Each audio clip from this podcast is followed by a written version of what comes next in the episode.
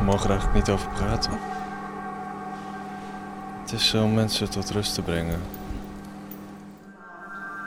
Wat is het toch mooi om met licht te spelen. Midden in de duisternis liggen drie grote lichtcirkels op de grond. Het lijken graancirkels gemaakt van kleine lichtbundeltjes. Twee jonge mannen die eruit zien als maanmannetjes volgen met langzame pas de lijnen. Zo nu en dan bukken ze om. Tja, om wat? Ze willen het niet zeggen, mogen het niet zeggen. Wij hopen dat te kunnen blijven doen de rest van ons leven. Om onszelf jong te houden. Wij heten dan ook Children of the Light.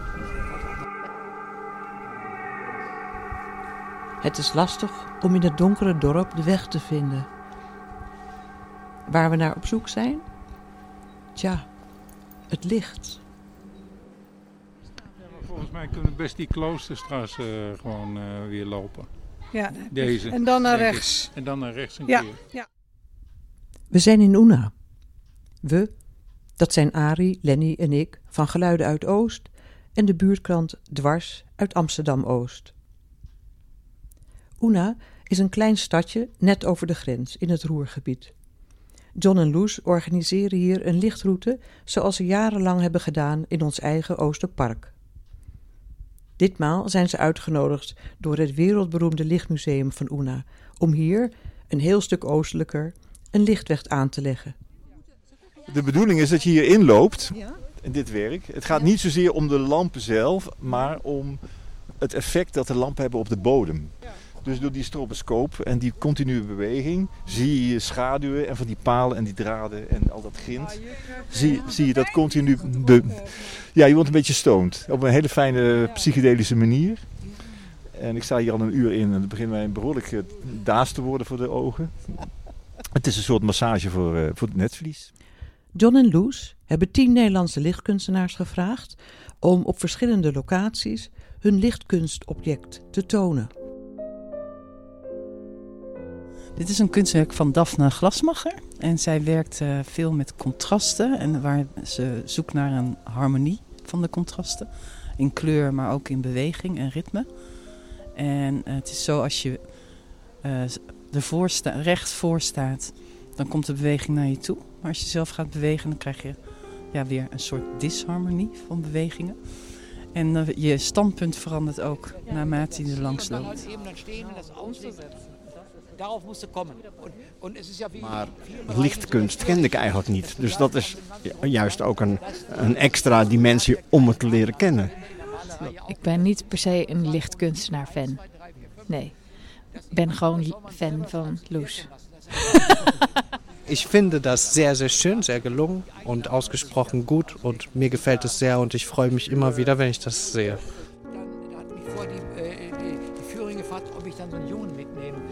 Wollte im Rahmen meiner Gruppe. Mit, da war die Mutter dabei. We gaan nu naar nummer 7 op de Kierplaats, naar Femke Schaap. Dat is hier vlakbij. Moeten we eigenlijk even terug naar de markt en dan naar Kierplaats. Nummer 7. Ja. Eh, kijk, ik, ik maak ruimtelijke video-installaties. Dat bestaat dan uit schermen en op, objecten die in de ruimte zijn geplaatst. Eigenlijk op, op een landschappelijke manier. We staan op een heel mooi pleintje, een kerkplein. Eigenlijk het kerkplein van Oener. En er staan allemaal oude zwart-witte vakwerkhuizen eh, om ons heen. Dus dat zijn witte gestukte gevels met, met heel donkerbruine houten balken daarin. En eh, wat ik voor deze serie, die de, Black and White Color Bar heet, eh, doe, is ook grafische zwart-wit patronen van balkjes en cirkels projecteren. Waardoor de huizen ook onderdeel worden van mijn installatie. Ik heb al eigenlijk bij dit soort dingen, ik vind het mooi, maar ik, eh, krijg altijd maar één vraag in mijn hoofd. Hoe werkt dit? Maar die vraag is ondergeschikt aan het feit dat ik het gewoon mooi vind. Punt. Er zijn hier allemaal keuzes gemaakt en die een bepaald effect hebben uiteindelijk. En dat vind ik wel eh, mysterieus. Dat, dat, dat, hoe dat van een brein naar de werkelijkheid gaat als het ware. Dat vind ik mooi.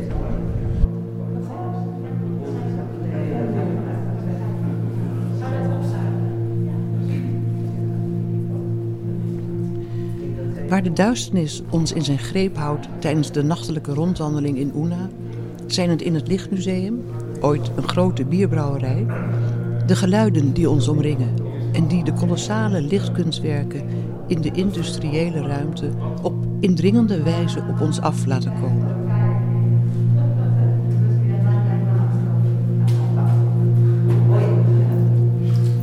Een Duitse gids leidt ons via een pad met aan weerszijden stroboscopisch verlichte watergordijnen naar koperen lotusbloemen en roterende spiegels die hun licht reflecteren op de muren. We tollen rond lichtballen met woorden, vloeien mee met bewegende laserstralen, raken gedesoriënteerd in een zee van organische en kleurrijke lichtsculpturen.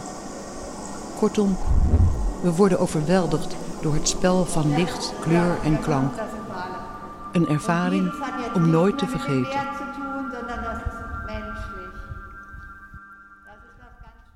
We gaan weer naar buiten en vervolgen onze route in het dorp. Er liggen op de grond liggen uh, allerlei spiegelachtige materialen. Ronde spiegel, spiegelkarton, uh, make-up spiegeltjes, uh, vierkante spiegels, vierkante kartonnen spiegels. En daar staat een lamp op geprojecteerd. En die maakt allemaal projecties op de muur, waardoor het een soort schilderij met licht wordt. En ik verander het continu. Dus ik ben de hele tijd, ik heb hier nog allerlei materiaaltjes. Dus ik, dus ik verschuif en ik leg nieuwe dingen neer. En, uh, dus uh, het verandert de hele tijd. Dus dat is spelen geblazen gewoon. Wat effect is dit, met die spiegels. Ja, ik vind het heel bijzonder. En dat je dat ook iedere keer weer anders kunt uh, rangschikken. Wat een idee, hè? Ja, zo. Lichtkunst is hier groot zegt Femke Schaap. Het is echt het thema ook van dit, van dit roergebied, om de, om, of, of naast het roergebied, om, om de, de plek die natuurlijk heel industrieel was, maar waar nu ook veel veranderd is, een nieuwe invulling te geven. Het lichtparcours maakt deel uit van een groter lichtkunstproject met Nederlandse kunstenaars. De Helweg legt ze uit.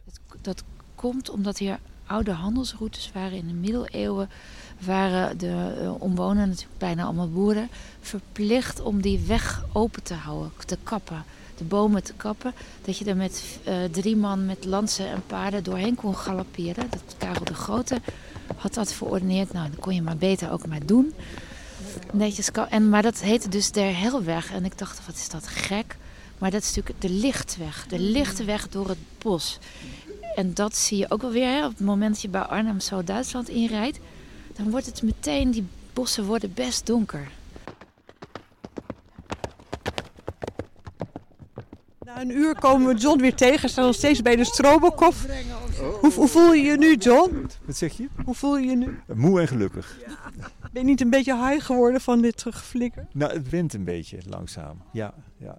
Ik, Kunnen we toch veel mee mensen? Ik denk dat ik hem de hele nacht aanlaat en die blijft staan. dat uh, heel veel installaties mooi uitkomen omdat ze zoveel ruimte hebben. Ja. Femke Schaap vond ik ook prachtig ja. met die vakwerk. Oh. Dat is wat ganz speciales, een ganz sound. Wat de Children of the Light deden, dat zullen we wel nooit te weten komen. Maar één ding is zeker, in Una zagen we het licht.